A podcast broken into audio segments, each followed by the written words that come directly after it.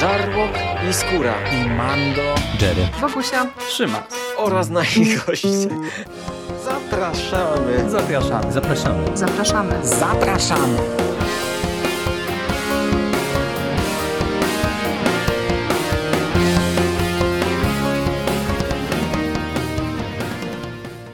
Witam w konglomeracie podcastowym, czyli na platformie, która zbiera wszystkie Wasze ulubione podcasty w jednym miejscu.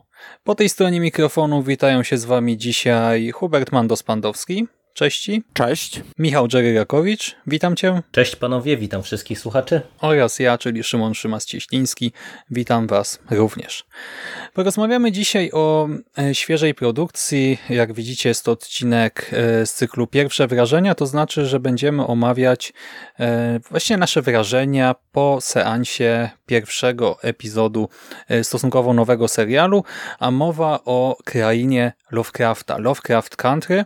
Jest to serial, który już na etapie e, zapowiedzi wzbudził przeogromną dyskusję i to e, wręcz niejako taką wojnę podzielił od razu odbiorców na e, trzy obozy, myślę.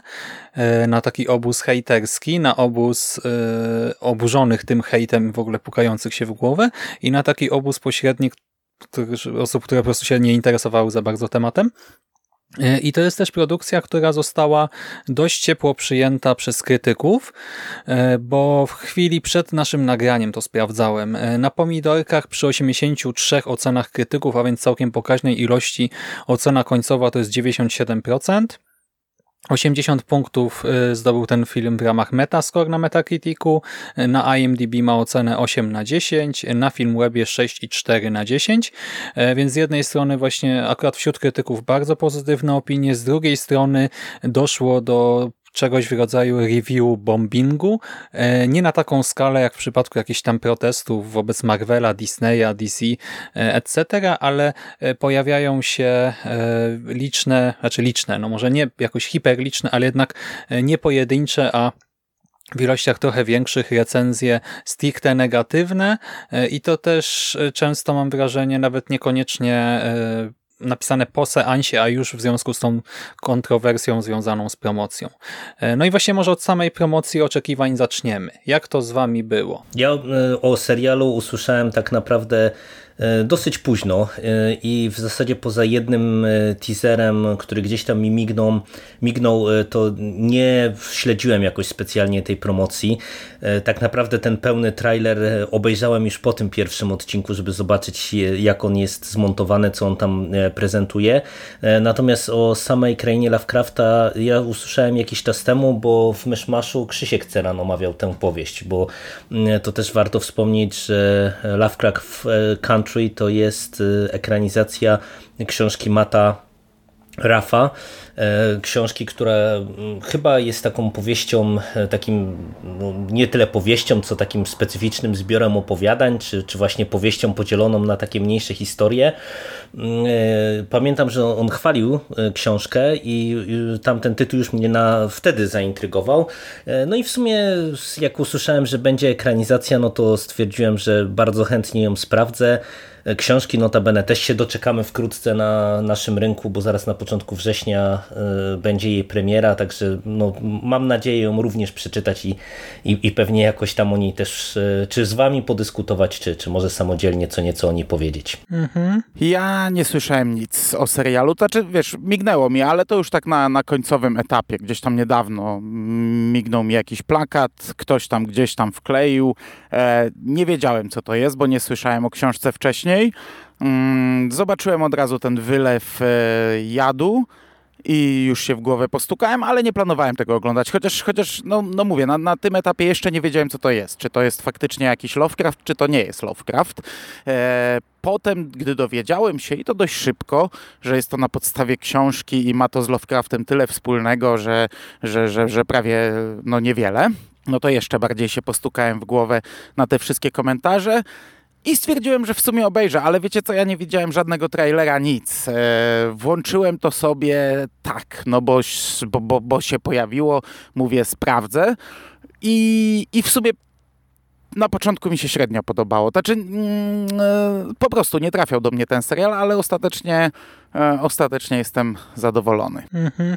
Może wyjaśnimy troszkę, no bo właśnie e, tytuł to jest Kraina Lovecrafta w e, tej polskiej wersji językowej, e, ale autorem jest, tak jak Jerry wspomniał, Matt Ruff.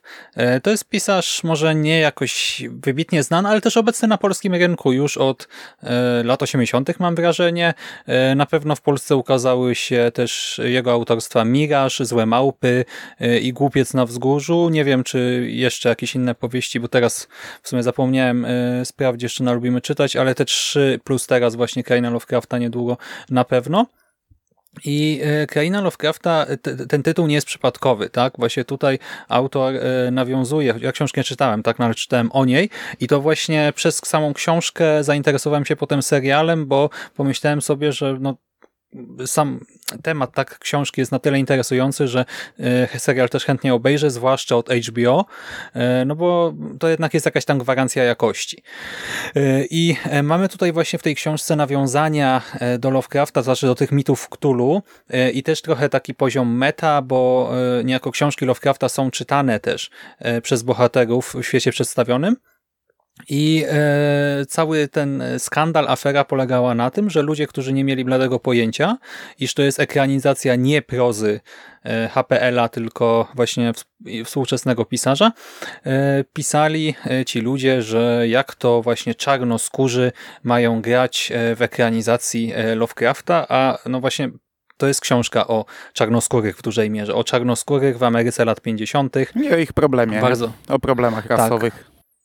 E, tak, i właśnie e, gdy w 2020 roku tak, e, ludzie zaczynają no, podaj, no, tak w ten sposób reagują, no to to jest przerażające. Ja właśnie byłem całkowicie po tej stronie barykady, która no, pokała się w głowę i wyrwała sobie włosy z głowy, no bo już niezrozumienie to jedno, ale taki właśnie tępy rasizm pod swoim nazwiskiem, e, wylewany po prostu z jakąś żółcią, tak, że bzdura, że właśnie jeszcze jakieś takie bzdury w stylu właśnie zrezygnuję z HBO Go, tak, będę bojkotował tę stację e, i tak dalej, bo e, czarnuchów mi do Lovecrafta wpychają to jeszcze po obejrzeniu teraz tego pierwszego epizodu to jest no. naprawdę przerażające. To no. jest po prostu E, no straszna rzecz, e, jak ludzie się mogą zachowywać.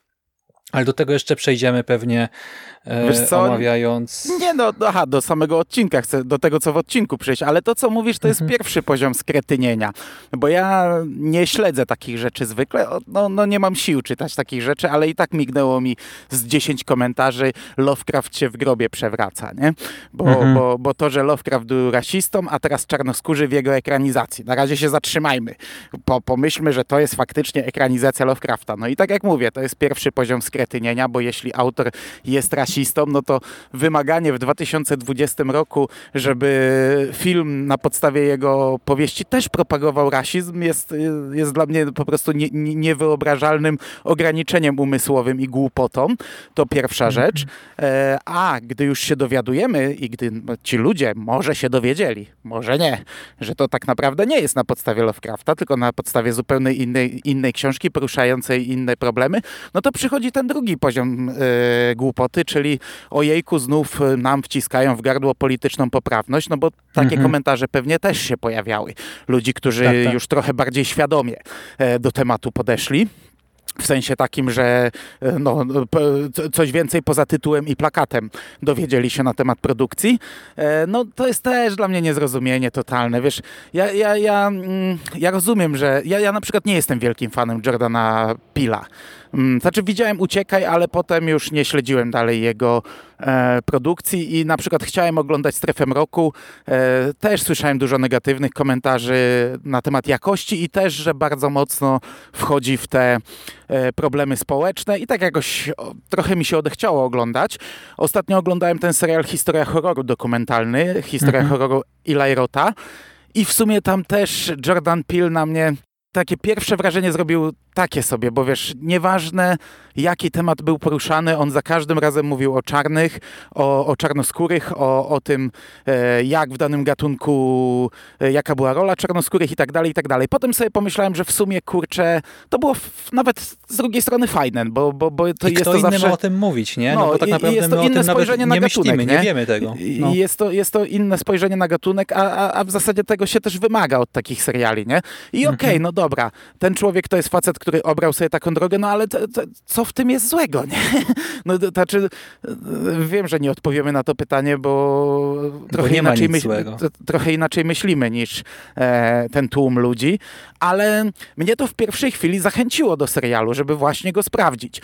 Potem, e, wiesz, e, te, te, ten odcinek zaczyna się bardzo mocno od e, właśnie przedstawienia czarnoskórych. Mnie, mnie, szczerze, ja rozumiem, że to jest ważne w dzisiejszych czasach, ale mnie to średnio interesowało tak na, na samym początku i między innymi dlatego chciałem e, przestać to oglądać, ale potem na jaki poziom to wchodzi i właśnie te wszystkie komentarze w konfrontacji z tym, o czym jest serial, to już z, to, że są przerażające, to z jednej strony, ale wręcz kurde, są kuriozalne, są, są aż zabawne. Ja wiem, że to nie jest nic śmiesznego, ale jak widzę komentarze ludzi krytykujących to, że tutaj są czarnoskórzy w zestawieniu z tym, o czym jest ten serial, to e, czułem taki, wiesz, taki e, z, z jednej strony przerażenie, z drugiej po prostu śmiech, nie? Śmiech na sali. Mhm, Znaczy przerażenie i śmiech jako wentyl bezpieczeństwa niestety. A ja wam powiem, że w ogóle to jest ciekawa e, rzecz e, z takiego punktu widzenia trafienia w swój czas, jeżeli chodzi o tę ekranizację, no bo mm, e, HBO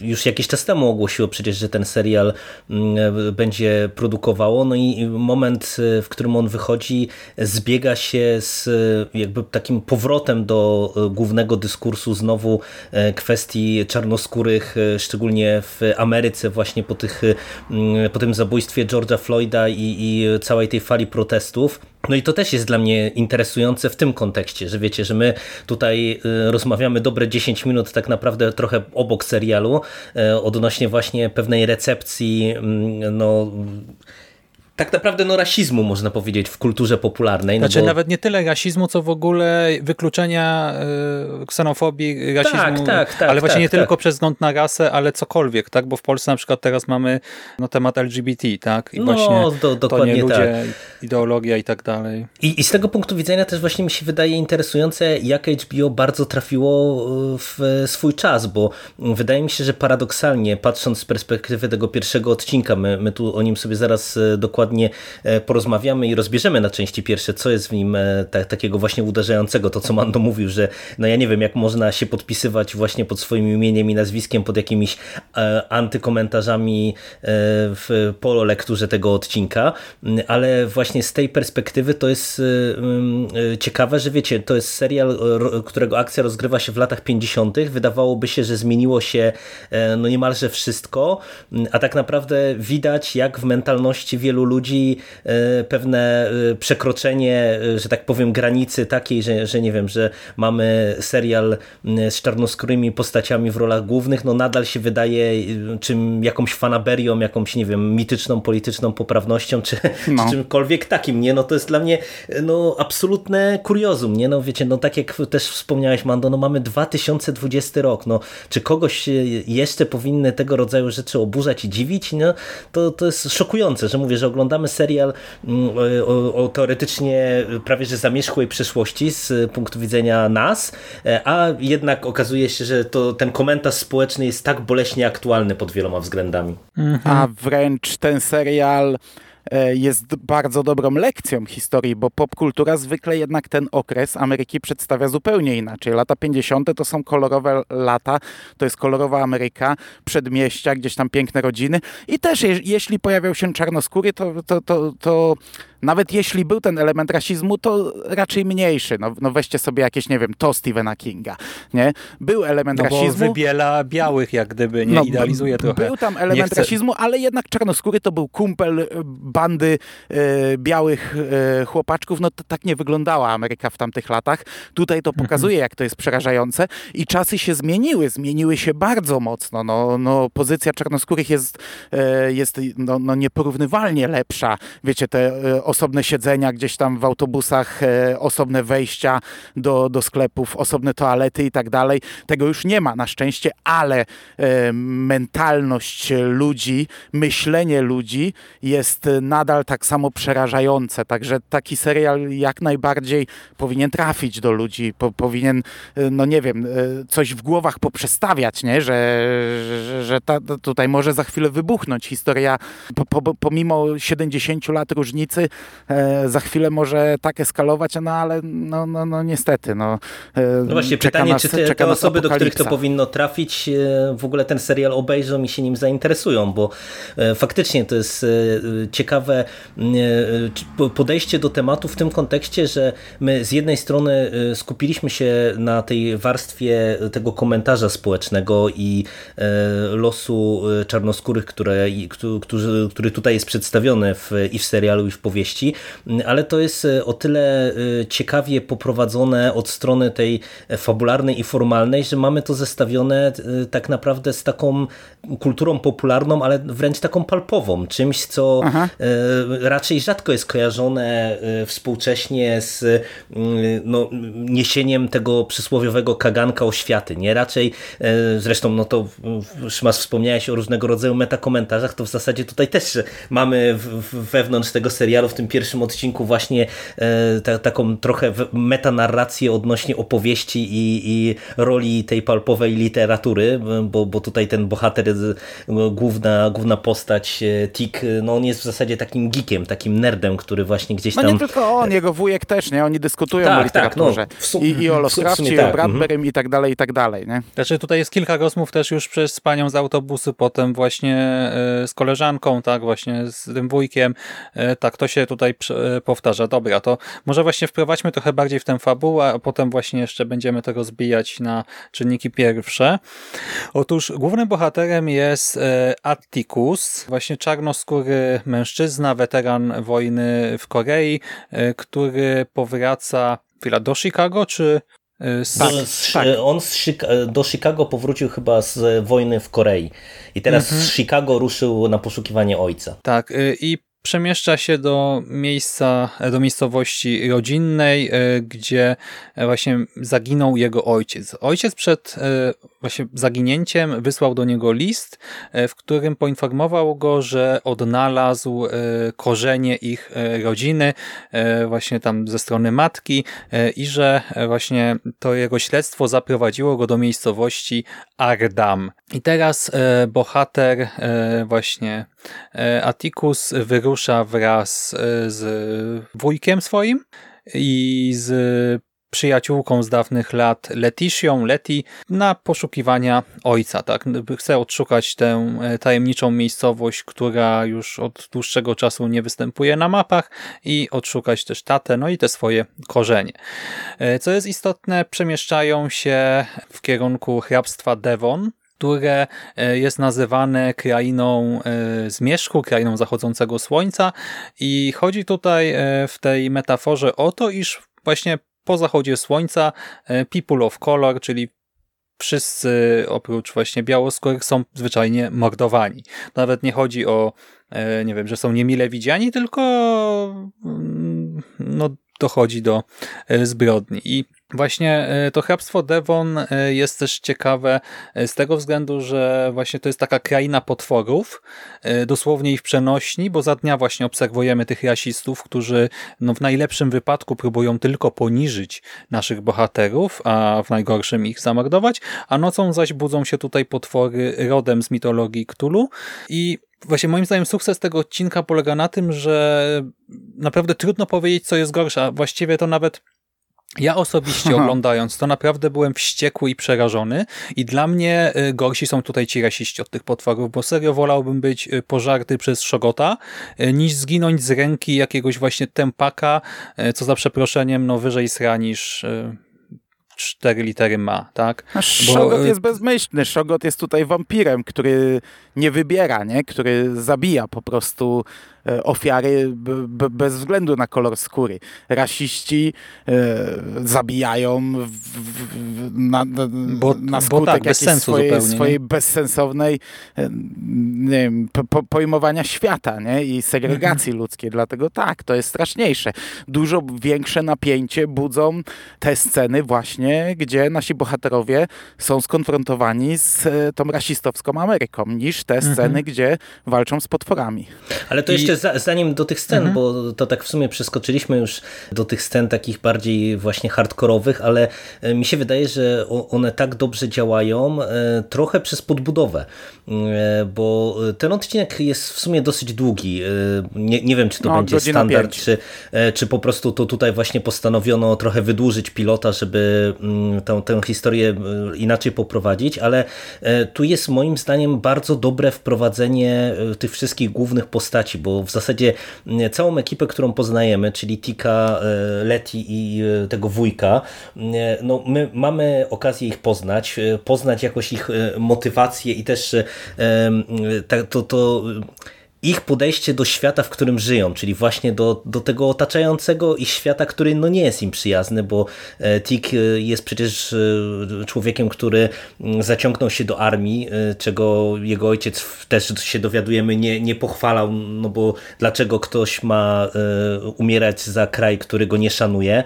Z drugiej strony nie mamy szanuje, wujka... nienawidzi, tak? To pada tak, też tak, dosłownie tak. tutaj i to widać. Później mamy wujka, który zajmuje się czym? No on pisze przewodnik taki, który ma no. zapewnić e, podróż bezpieczną przez Amerykę. No, dla mnie, jak Ale właśnie jak czarnoskórym, to... tak? Tak, On czarnoskórym. No, i to gdzie jest... można po prostu przeżyć tak i zostać potraktowanym jak człowiek. Tak, tak. Mają I, całą i taką też... mapę nie? z rysunkami, jakaś kostucha, czyli tam, mhm. nie, tam nie, nie, nie można jechać, jakieś, jakieś zagrożenia zaznaczone, zaznaczone miejsca, gdzie można na przykład coś zjeść i dokładnie opisany budynek, gdzie się nie zostanie, nie wiem, wyrzuconym czy też zastrzelonym.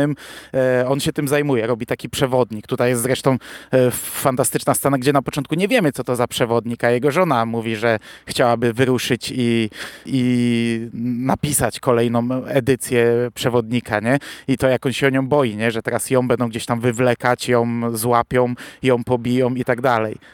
Tak, tak. I to jest, mhm. to jest naprawdę fantastyczny motyw. E, plus mamy Leti, która no, jest taką e, no, herszt babą po prostu, która nie da sobie kaszę w, w kaszę dmuchać, która e, stawia się e, całemu światu tak naprawdę.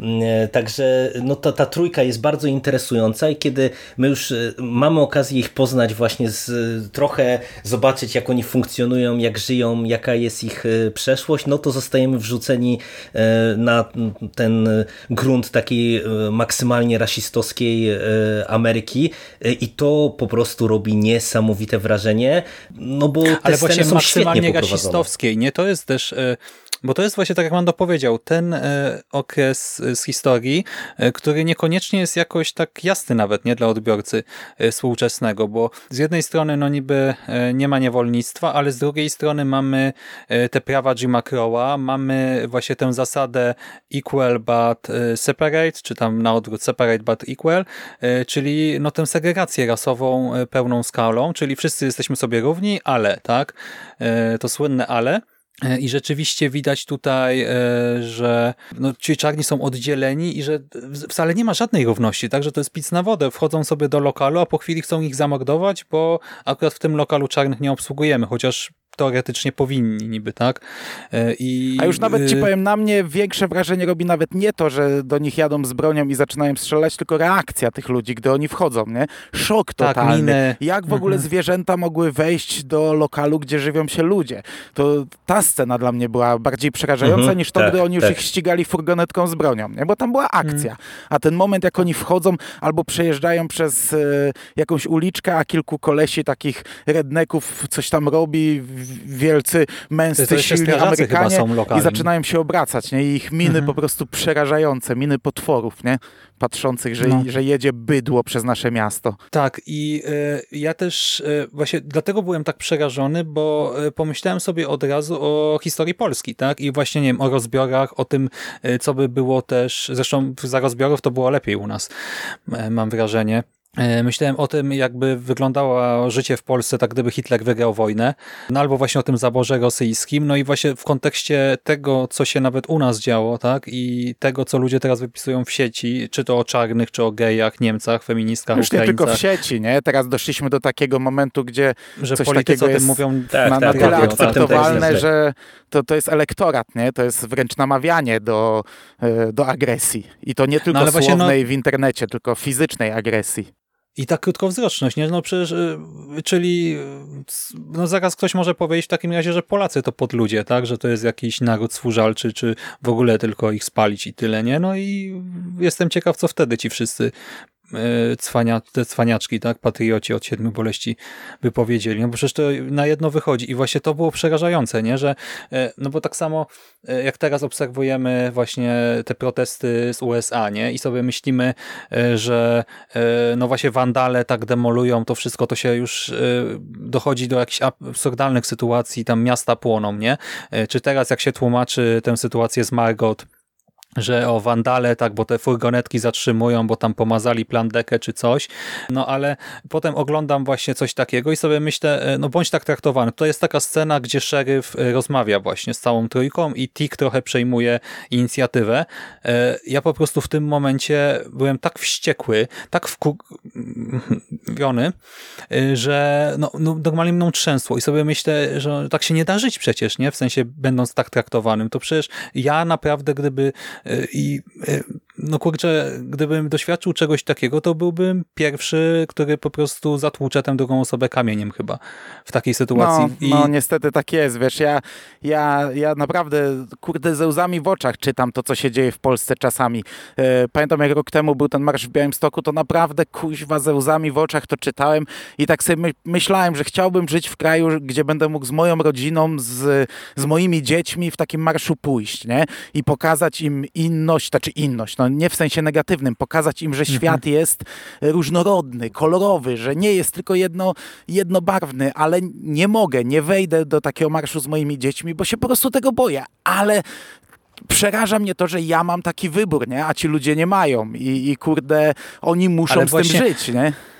No i dlatego no, to, jest niewyobrażalne. Mi się teraz przecież głos trzęsie, tak? Ale właśnie, nie wiem, jestem białym, heteroseksualnym mężczyzną, katolikiem po 30 i krew mnie zalewa, gdy słyszę przecież właśnie teraz rządzących, tak, gdy czytam te komentarze w necie, tak, gdy oglądam które filmiki na YouTubie, a przecież, no nie wiem, gdybym był gejem z Warszawy i mijała, mijałby mnie, nie wiem, ten homofobus na przykład, no to No. pewnie siedziałbym teraz w areszcie, a nie nagrywał podcast, bo Naprawdę ten serial jeszcze bardziej mi uświadomił, e, skąd się bierze ta cała, w sensie może się nie agresja, w sensie e, jak sfrustrowani muszą być ludzie, którzy są właśnie traktowani equal but separate, tak? A to nawet tutaj nie equal, tylko już jeszcze pogardzani po prostu tak jawnie, nie? Na ulicach, e, w telewizji, w radio, bo to przecież no krew człowieka zalewa w tej sytuacji, zwłaszcza w, gdy jest się bezsilnym, bo prawo wcale cię nie chroni. I tutaj... No, a e, tutaj to, to jest w ogóle też e, e, ciekawe właśnie z tej obecnej perspektywy, że to, co zacząłeś mówić, nie? Prawo cię nie chroni. I, i teraz widzimy,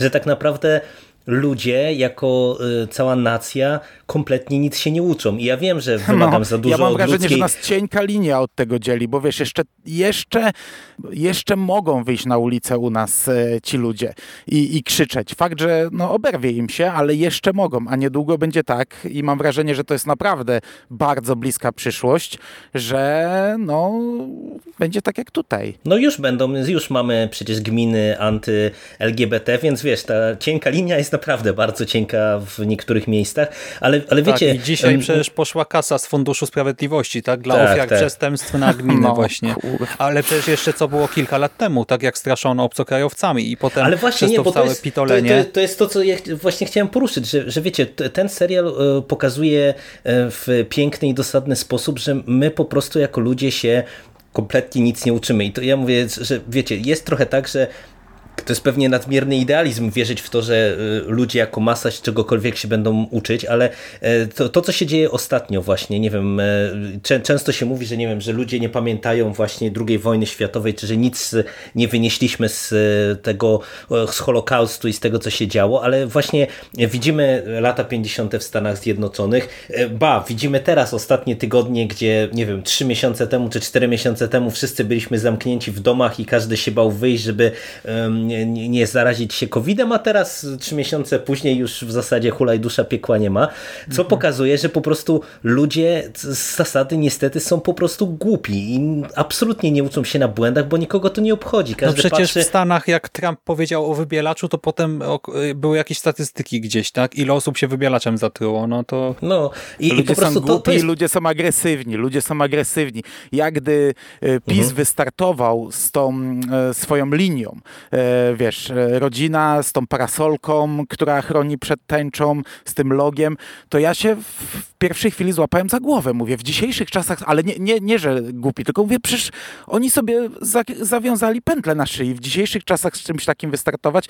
Chwilę później sobie zdałem sprawę, ilu mamy homofobów, ilu mamy rasistów i że oni obrali taką drogę. Ludzie są agresywni, ludzie, yy, a, a oni dają im możliwość i wręcz e, poparcie dla wyżycia swojej agresji. I, i, i ja wiem, że my tutaj e, poruszamy teoretycznie nie tematy związane z serialem, ale ten na razie ale to mówimy jest o serialu. No na razie mówimy o warstwie obyczajowej, bo przejdziemy do tej fantastycznej. A to, to, właśnie w tym serialu jest. Ja tak jak powiedziałem, pierwsze 20 minut ja obejrzałem i wam napisałem, że ja nie będę oglądał tego serialu, bo to chyba nie jest dla mnie. Przy czym ja po pierwszych 20 minutach nie wiedziałem jeszcze w jakim kierunku to pójdzie, jaki ten serial się zrobi. Ale to, co jest w drugiej połowie, te kilka scen, e, właśnie ta, e, gdzie oni trafiają do niewłaściwej jadłodajni i reakcja tych ludzi, to jest po prostu, ogląda się, napięcie można kroić, a potem, gdy trafiają już do hrabstwa Davon i, i podchodzi do nich szeryf, to, to, jak, to, to, to, jest, to jest naprawdę takie napięcie w tym serialu, e, że masakra. Nie? Ta warstwa obyczajowa jest ostatecznie świetna. Znaczy świetna, no kurde, to jest złe słowo, nie? Po prostu jako serial budzi we mnie ogromne emocje. Ja, ja wiem, że u, znajdzie się cała wielka grupa odbiorców, u których e, obudzi też ogromne, ale całkowicie skrajne emocje i a, no, dlatego No to tak niech sobie... obejrzą sobie pianistę potem, tak? I pomyślą, że Niemcy powinni nas bardziej tłuc wtedy, nie? No bo Polaczki pod ludzie. Jezu, ale naprawdę krew mnie zalewa i e, właśnie e, to, co jest super, to to, że e, no bo za ten serial odpowiadają Misha Green, e, która stworzyła m.in. Underground dla VGN America i to też jest właśnie e, serial, który no też się odbił jakimś tam szerszym echem, ale jednocześnie... O, o, tej kolei podziemnej, tak?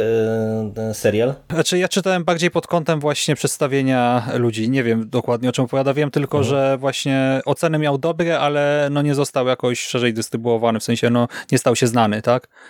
No, wydaje mi się, że on tematycznie jest chyba właśnie zbliżony, bo, bo z tego co ja kojarzę, ja tego serialu nie widziałem, ale właśnie wydaje mi się, że on jest o tej kolei podziemnej, e, czyli właśnie tej sieci tuneli mhm. i przejść w Stanach Zjednoczonych, którymi niewolnicy byli przewożeni do, do tych e, Stanów e, czy, czy do Kanady chociażby, gdzie mogli funkcjonować normalnie jako wolni ludzie. Więc tutaj jakby myślę, że to pod tym kątem to jest no, właściwa mhm. osoba na właściwym miejscu pewnie pewnie, e, a e, też o Jordanie Pilu e, żeśmy mówili nie bez przyczyny, bo on z kolei produkuje, nie? czyli widać, że tutaj te mhm. osoby, które gdzieś tam... No i J.J. Abrams, nie? No i J.J. Abrams, ale to, to pewnie już z innych względów, nie? Ale tutaj te, te dwie postaci akurat, czyli Misha Green i Pili, no to, to widać, że tematycznie tutaj ewidentnie mhm. się w, dobrze wpasowują, nie? Mm, ale właśnie to Underground teraz tak sobie myślę, że może nawet rzeczywiście warto by nadrobić w tych dzisiejszych czasach i Misha Green też pracowała przy scenach anarchii, jako staff writer i też scenarzystka jednego epizodu.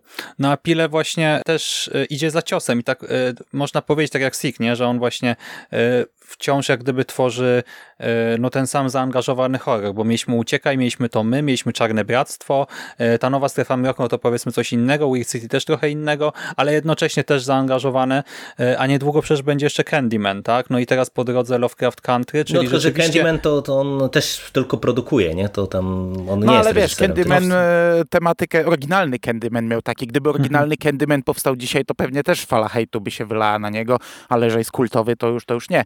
A pewnie wersja, mm, to, że tylko produkuje, producenci mają jednak gigantyczny mhm. wpływ i Candyman no, pewnie będzie bardzo mocno zaangażowany. No, faktycznie, faktycznie. No właśnie, więc czuć tutaj, że rzeczywiście wzięli się za to ludzie, którzy e, są jakoś zaangażowani, tak, społecznie, ale też znają się na tej robocie filmowej, serialowej e, i też na horrorze, tak. E, Aha. I rzeczywiście, w sensie, bo to naprawdę jest serial jakościowy pod każdym jednym względem, tak. To nie jest po prostu jakaś kolejna produkcja do zapomnienia, tylko no przecież on jest atrakcyjny też od strony technicznej, no i aktorzy ciemny też tutaj... trochę tylko, ciemny trochę i nie mówię o aktorach, mówię o tym, że w nocy się dużo Jezu. dzieje. Tak, tak. Ale nie, no tutaj, ale, wiesz, to, ta, ta jakościowość wiesz, ale to jest HBO to... Go, nie? Ja, ja, jak za, ja jak zawsze piję do HBO Go. Jak jest coś ciemnego, to, to, to nic nie widać, a naprawdę, e, jak Ale jak ja spytałeś... oglądam na laptopie, e, no to jest spoko. Nie wiem właśnie, jak na telefonie by było pod kątem też. Nie? No właśnie nie jest spoko. Ale okay. to tak jak e, ty mówisz Szymas o tych e, kwestiach jakościowych, to, to jest akurat rzecz, która jest dla mnie kompletnie niezaskakująca. Ja bym po powiedział wręcz, że patrząc na seriale właśnie z tych e, platform głównych właśnie, czy z HBO na czele, no to umówmy się, że walory audiowizualne, scenograficzne i tak dalej, to jest pewne minimum, poniżej którego już raczej te, te wysokobudżetowe produkcje tak, ale, z tej stajni nie, nie, nie spadają. Ale nie masz wrażenia, że tu jest jeszcze lepiej, jak gdyby, w sensie, nie wiem, cała ta warstwa e, fantastyczna, tak, czy horrorowa, paranormalna, e, no to ona tutaj wygląda naprawdę niesamowicie. Mhm. To, jest, to nie jest dobre, tak, to nie jest tak, że to po prostu nie jest bu budżet właśnie tam e, Nie, nie, wiesz to, ja, ja mały, ty, ja, do, ja do czegoś innego mhm. trochę chciałem nawiązać, bo ja się zgadzam, że to wygląda świetnie, e, tylko bardziej to, co e, do mnie e, dotarło, czy to, co mi bardziej bardziej różnicuje jakby od tej strony takiej realizacyjno-techniczno-aktorskiej, e, to jest właśnie przede wszystkim ekipa aktorska i to jest moim zdaniem póki co strzał w dziesiątkę, bo ci główni bohaterowie wypadają fantastycznie. I, i ten taki trochę wyciszony Tik i, i ten jego wujek, który jest takim no, przesympatycznym, chciałoby się powiedzieć staruszkiem, chociaż on pewnie nie jest jakoś dużo starszy ode mnie. I przede wszystkim te, ta Ale mam Leticia Luis, e, no, no to po prostu to jest taki skład, że e, wow, no fantastycznie się po prostu to, to no, całą ekipę aktorską ogląda. jest świetnie, bo nie tylko tak, tak, tak, tak, główna trójka ciągnie, ale te wszystkie epizodyczne role, czy to żona e, wujka, mhm. czy siostra Letici, czy, czy ci biali, rasiści, oni też jak najbardziej fantastycznie tak, tak grają tak, swoje role. No mhm. przecież szeryf jest absolutnie przerażającą postacią. Mhm. A wy w ogóle poznaliście Letitię? Kto ją gra? Ja nie poznałem. W ogóle dopiero jak usiadłem do nagrania, to się zorientowałem, że ona przecież grała, grała Black Canary, a ona naprawdę jest y, fantastyczna, nie? Ja się zakochałem w tej postaci, nie? No po prostu mhm.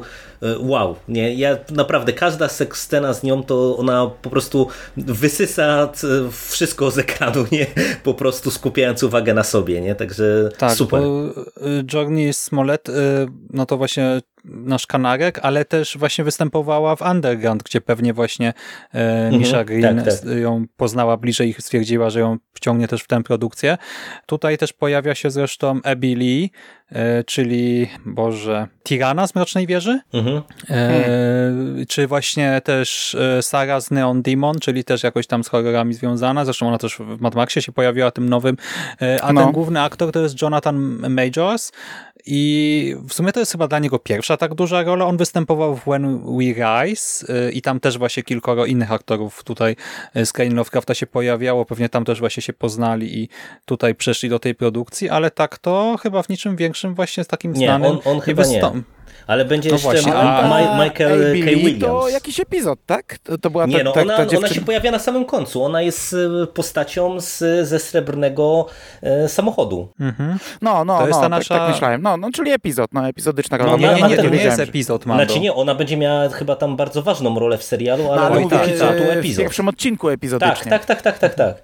Natomiast tu Tak, się tak, jeszcze tak. też między innymi, on, bo on się chyba tylko pojawił w przybitce w jakiejś retrospekcji, będzie Michael K. Williams y, jako ojciec, czyli e, no, Mhm. postać też e, bardzo dobrze znana w aktorskim świadku i, i, i fanom HBO, bo on grał e, w The Wire między innymi i w Boardwalk Em- Empire, także, także też to jest nazwisko Imperium, tak. kojarzone, nie? I w Zniewolonym zresztą.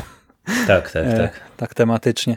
E, No i właśnie, więc od strony aktorskiej e, to też właśnie był szok dla mnie, bo tak naprawdę jak zobaczyłem serialową Letitię w pierwszej chwili, e, to tak trochę myślałem, że to będzie, wiecie, taka tempa dziewuszka właśnie, której się nie powiodło czy coś, a tu się okazało, że to jest e, kurczę, postać z głęboką psychologią, z jakimiś konkretnymi motywacjami, e, że to pierwsze wrażenie właśnie było mocno mylące i tak samo te inne postacie no naprawdę każdą e, tutaj postać właśnie polubiłem albo znielubiłem. Tu nie nie, nikt nie jest mi obojętny i e, też no, ten odcinek trwał może całą godzinę, ale tej treści tutaj było naprawdę sporo i t- Mhm. tych bohaterów się udało świetnie zarysować. I e, też ta autentyczność, to e, tak jak powiedzieliście nawet e, tak pół żartem, pół serio, nie, że rasiści świetnie grają, bo rzeczywiście wzbudzają tę nienawiść w nas, obrzydzenie i tak dalej, ale też właśnie reakcje wszystkich e, czarnoskórych aktorów na to, e, jak Tak są jest. traktowani, to to nie jest, w sensie, tu, ja tutaj nie czułem, że to jest grane, tak, tylko autentycznie e, jak gdyby, jak gdyby ktoś kogoś gnębił, nie, na żywo, tak się czułem. No wiesz, oni tego doświadczają na co dzień, e, także pewnie im to Tak, no. łatwo zagrać. Znaczy łatwo cudzysłów kreślę, nie? Bo, bo pewnie jest to trudne nawet na planie. Mm. I cała ta warstwa e, związana e, z tymi prześladowaniami, z tą separacją i e, t- też właśnie tak jak powiedziałem, jest ten mały review bombing, czyli jest trochę recenzji typu 0 na 10 e, w różnych właśnie portalach, agregatach, czy właśnie na, też na Metacriticu e, na zasadzie e, Social Justice Warrior Production i w ogóle to coś tam, coś tam czarnych, tak, tutaj zostawcie jakieś wulgaryzmy. I to też mnie wkurza niesamowicie, bo kurczę, e, horror przecież e, bardzo, znaczy te ważne horrory, tak, w historii gatunku jednak są społecznie zaangażowane. No nie no wiem, no bardzo, komuś... no przecież ja mówiłem, wspomniałem tu o tym serialu e, Historia horroru, ja o nim nagrałem podcast, ale on najprawdopodobniej poleci gdzieś tam w październiku w Radiu SK. E, no to Mhm. tam e, przy każdym gatunku, jaki e, brali na tapet, no to przy każdym gatunku e, punktowali na szybko, bo to jest taka, taka szybka rozmowa. E, jego korzenie w tym, co działo się w, w tym momencie na świecie i, i, i skąd to się wzięło i jak sytuacja e, społeczna i polityczna wpływała na rozwój horroru. No to, to jest od, od początku gatunku w zasadzie. No a, a jak się weźmie pod uwagę, nie wiem, Noc Żywych Trupów, która jest pewnie e, przełomowym filmem w, dla kinowego horroru pod pewnymi względami, no to, no to trudno o bardziej e, e, społecznie zaangażowany film, nawet jeżeli Romero się gdzieś tam troszeczkę odżegnywał, że wcale nie miał e, takich intencji, wcale, jak, to, jak, nic, jak, to wyszło summa summarum, ale, ale no to to jest właśnie przykład tego rodzaju kina, który no, pokazuje społeczne zaangażowanie, a, a przecież wiecie, no jak my siedzimy w horrorze, to ja, ja czasem się śmieję, że jak się spojrzy, to nawet na te mm, takie bardziej y, greenhouse'owe czy, czy eksploatacyjne filmy, to można tam sporo wyciągnąć, co, co widać, nie wiem, chociażby na przykładzie teksańskiej masakry piłą mechaniczną, która też y, przecież porusza różne wątki społeczne, mimo że się skupia na zupełnie czym innym, a to jej wychodzi mimochodem. Tylko to jest na tyle ukryte, że wiesz, ograniczone umysły może tego nie dostrzegają, więc... więc No, No ale jak pamiętaj, ktoś że- hejci po prostu Pamiętaj, że tutaj... e, ludzie, którzy stoją za tą krytyką, to są raczej, wiesz, wyciosane mózgi z jednej foremki e, i jeśli coś nie jest podane podane na talerzu i kawa na ławę, to niekoniecznie to widzą.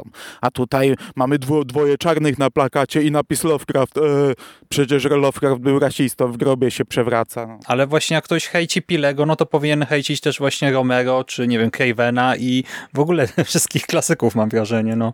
Ale, ale tak właśnie... jak, jak siedzimy, w, czy jak ruszyliśmy trochę ten temat horroru, to w no zasadzie... Właśnie o horrorze i o Lovecraftie jeszcze powiedzmy, bo zostało no, mi 20 minut mniej więcej. No i, i tutaj jest y, w ogóle ta, ta scena otwierająca, o którą bym się chciał was zapytać, bo y, ona mnie początkowo bardzo wybiła, bo dostajemy sekwencję, która jak się bardzo szybko jest, okazuje jest takim, nie wiem, marzeniem sennym, czy, czy snem na jawie, gdzie Tik przeżywa przygody w świecie. Nie no, po prostu snem Negda, który czytał książkę.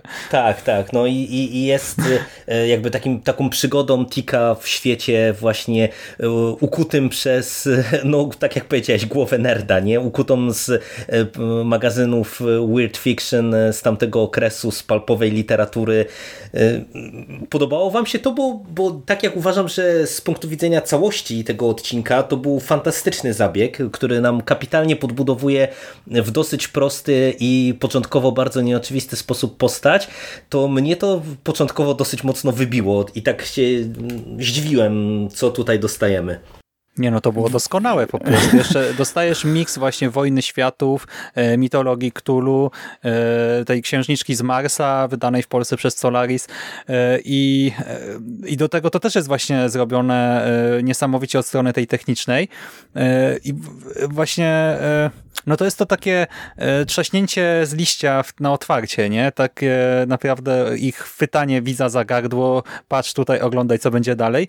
Na mnie to zadziałało bardzo pozytywnie i e, potem, gdy mamy całą tę metanarrację odnośnie historii, nie? no bo nasz bohater mówi, e, dlaczego lubi czytać e, właśnie te powieści palpowe i okazuje się, że to co mu dają powieści palpowe, staje się teraz jego rzeczywistością, jego życiem i to też jest właśnie, e, no świetnie się spaja z tą całą metą. Wizualnie jest to fantastyczna scena.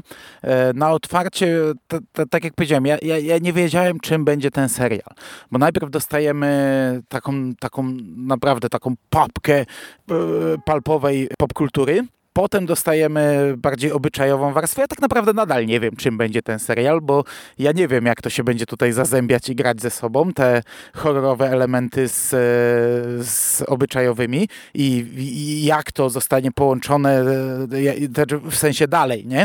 W kolejnych no póki co to idzie trochę obok, nie? Na etapie tego pierwszego odcinka. Ale, ale ja nie miałem problemu z tą pierwszą sceną. Trochę się obawiałem, że to będzie na takiej zasadzie właśnie, yy, wiesz, no mamy tutaj sen, nie? I, i już się pojawia Cthulhu na samo wejście, no i już mamy tutaj, e, że, że to tak będzie wyglądała horrorowość i trochę mhm. się obawiałem, że tego horroru tu nie będzie, bo ja nie wiedziałem, czy to będzie horror, czy to będzie dramat obyczajowy. Ale nie, ja nie miałem problemu z tą pierwszą sceną. Mhm. No i właśnie e, mamy tę pierwszą scenę, a potem mamy jeszcze tę rozmowę o literaturze, w tym także o Lovecraftie, e, o Arkham. Zostaje przywołany też ten poemat Na stworzenie murzynów, e, po polsku dostępny w przykładzie Mateusza Kopacza w biografii HPL-a autorstwa Yoshiego i e, to Jerry, ty wspomniałeś w takiej naszej prywatnej rozmowie na naszym czacie grupowym, e, że e, niektórzy recenzenci mówią, że oho, ho, Lovecraftowy serial, a to nie do końca tak jest. Możesz rozwinąć tę myśl? Wiesz, ja jak śledziłem trochę recenzję, to, to jest coś, czego ja do końca też nie jestem w stanie zrozumieć, nie? że uwypuklamy tylko i wyłącznie właśnie tego Lovecrafta jako jakieś tam główne źródło inspiracji, gdzie oczywiście widać na etapie tego pierwszego odcinka, że, że to jest ważne źródło inspiracji to pewnie będzie nam się przewijało, bo e, ten Lovecraft przewija się nam i w tej warstwie społeczno-obyczajowej, no bo nieprzypadkowo jest wzmiankowane to Lovecraft Country krótko po tym, jak na przykład jest dyskusja o nazywaniu mostów od nazwisk jakichś tam rasistów z punktu widzenia właśnie naszych bohaterów.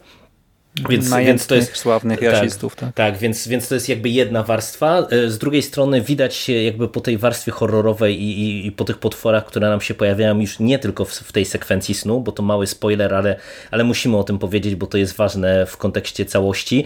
E, no to, to, to jest jakby pewien Lovecraftowski motyw, ale e, dla mnie na etapie tego pierwszego odcinka, ja to trochę podkreślę, bo wiecie, no ja nie, nie czytałem książki, też nie mam pojęcia w jakim kierunku to pójdzie.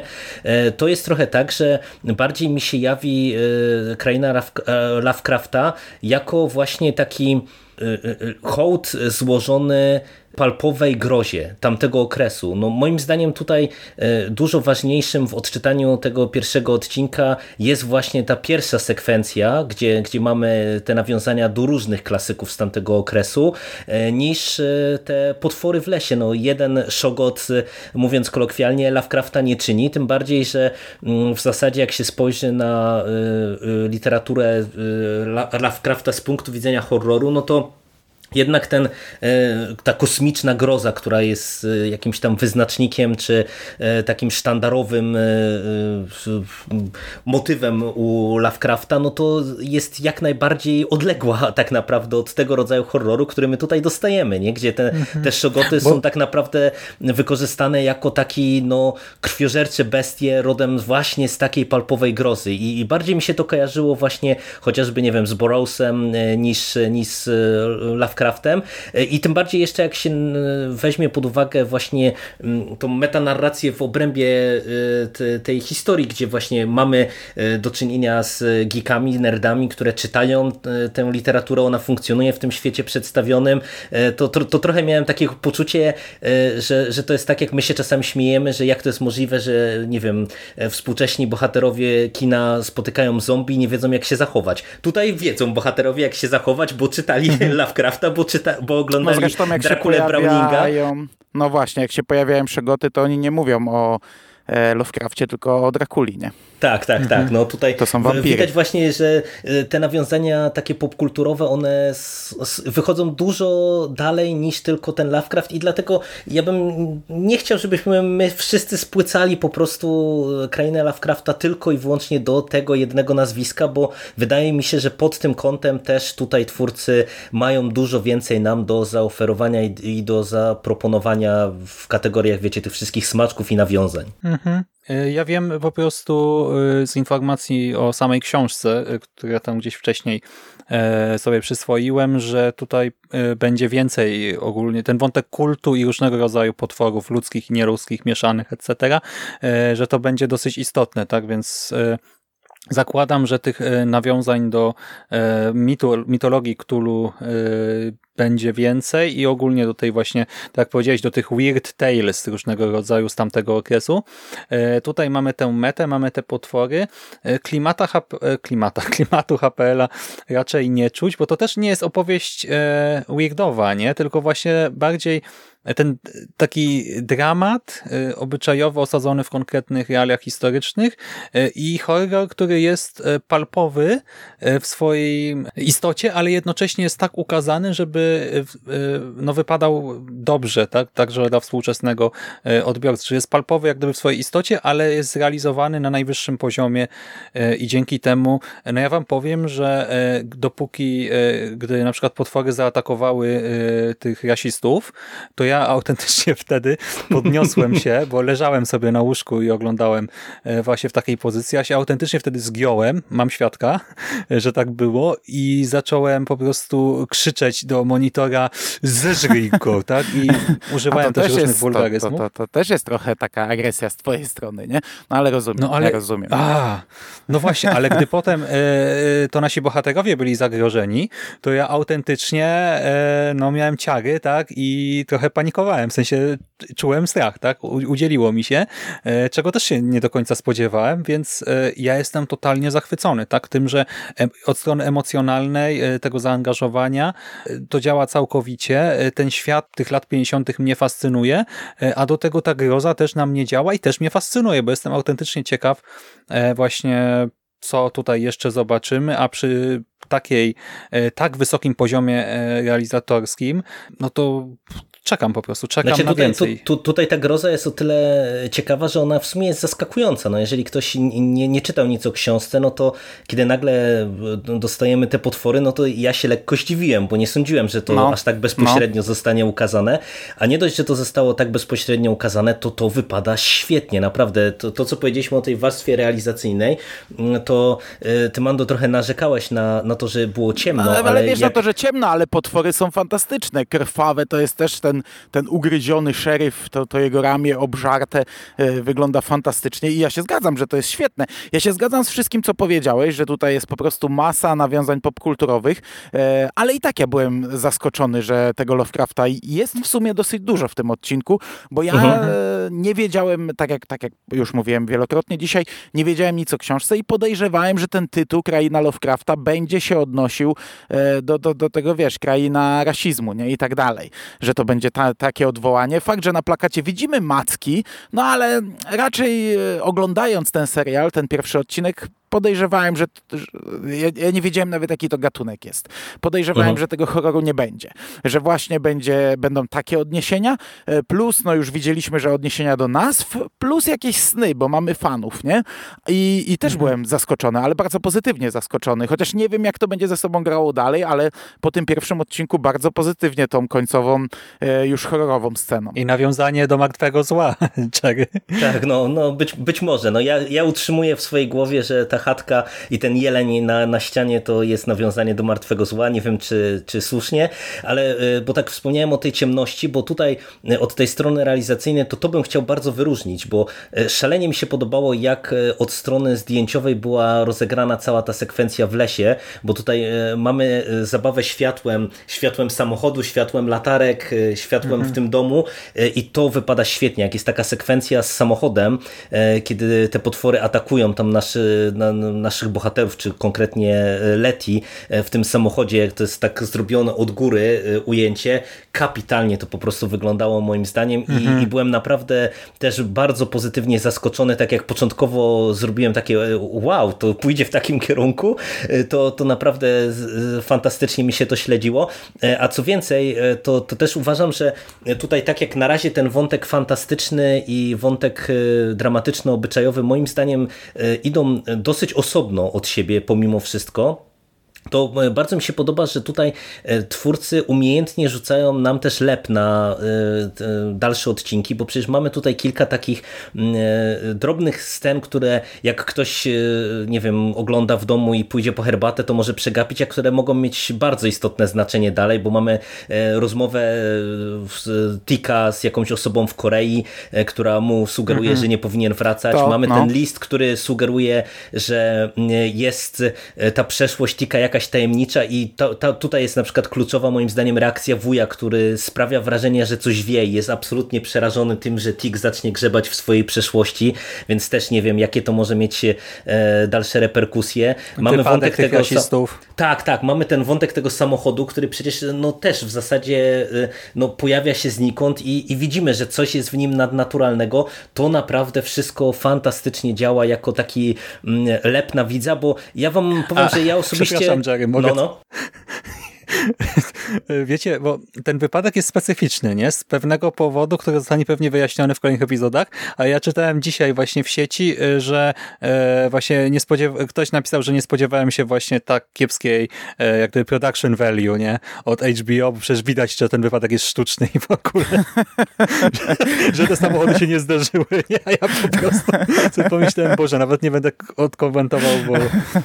No, to śmieszne. No, więc... Ale nie, bo tu, tu jak wspominam o tych takich e, haczykach i, i takich e, mhm. rzeczach, które nam e, rozwijają pewne, czy rzucają nam pewne tropy i, i pewne zagadki przed nami stawiają. Haczyki bo... to są strzelby Czechowa raczej tutaj. Tak, tak, no ale tu y, y, wspominam o tym dlatego, że ja w sumie jak nie jestem jakimś wielkim fanem te, te, tego, wiecie, prowadzenia narracji serialowej od tajemnicy do tajemnicy i mnożenia tajemnic, a tutaj wyjątkowo mnie to chwyciło y, i, i bardzo mi się podoba, jak to umiejętnie moim zdaniem było rozpisane, ale w ogóle naprawdę no, ten scenariusz pilota, to moim zdaniem to jest naprawdę taka wzorcowa robota pod każdym jednym względem. Konstrukcji bohaterów, e, prowadzenia całej tej opowieści, łączenia wątków, e, rzucania różnego rodzaju tropów na przyszłość kapitalna rzecz.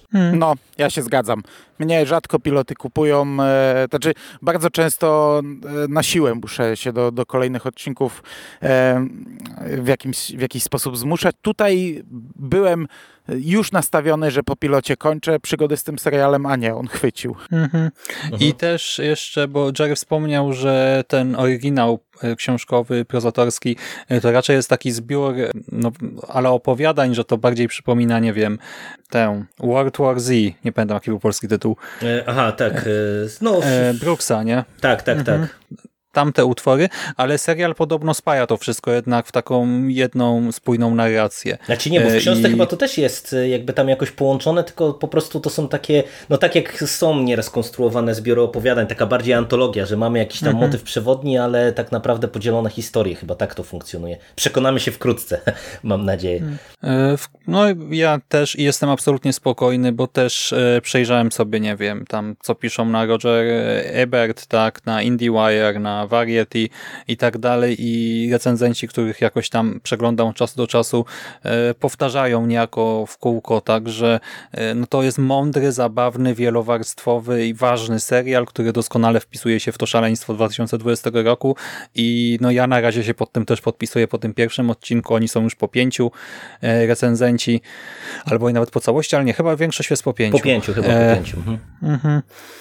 Więc no chcę więcej. Ja autentycznie dzisiaj byłem zły, że nie można kliknąć w następny odcinek, nie? Że No, to nie da prawda. się Ale z drugiej strony to fajnie. Czasem, czasem takie jakościowe Mhm, produkcje może, lat, może nie? fajnie się będzie śledziło tak ty, tydzień po tygodniu i podgrze będziemy pod będzie podgrzewana atmosfera, będzie pewnie rozkmina kolejnych y, tajemnic i zagadek, także akurat fajnie wydaje mi się, że się zdecydowali na, na takie podejście, a nie do zbingowania y, i tyle. A jeszcze na koniec y, ode mnie to chciałem podkreślić, że scena mm, koncertu jest dla, robi niesamowitą robotę. Kapitalna Mhm. jest ta scena. Strasznie mi się podobało, e, jak, jak to było rozegrane.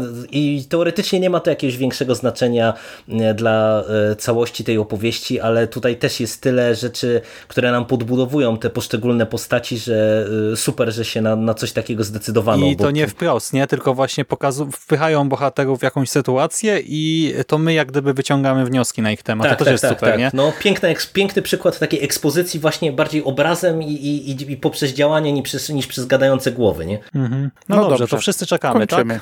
Tak, tak, Czekamy. oczywiście. tak? Dobra. No to dzięki wam za rozmowę, koledzy. E, Dziękuję Ci bardzo, kolego. Dzięki, dzięki panowie. A Wam, słuchacze, dziękujemy za uwagę. Jeżeli jeszcze nie oglądaliście pilota e, czy kolejnych odcinków, bo nie wiem kiedy słuchacie tego podcastu, no to serdecznie zachęcamy do nadrobienia zaległości. E, Jeżeli już jesteście po seansie, to podzielcie się swoimi wrażeniami.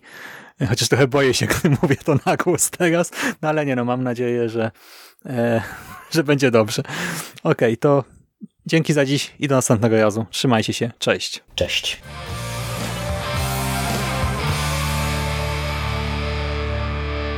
You finished? That's it, man. Game over, man. It's game over. What the fuck are we gonna do now? What are we gonna do? It's over. Nothing is over! Nothing! You just don't turn it off!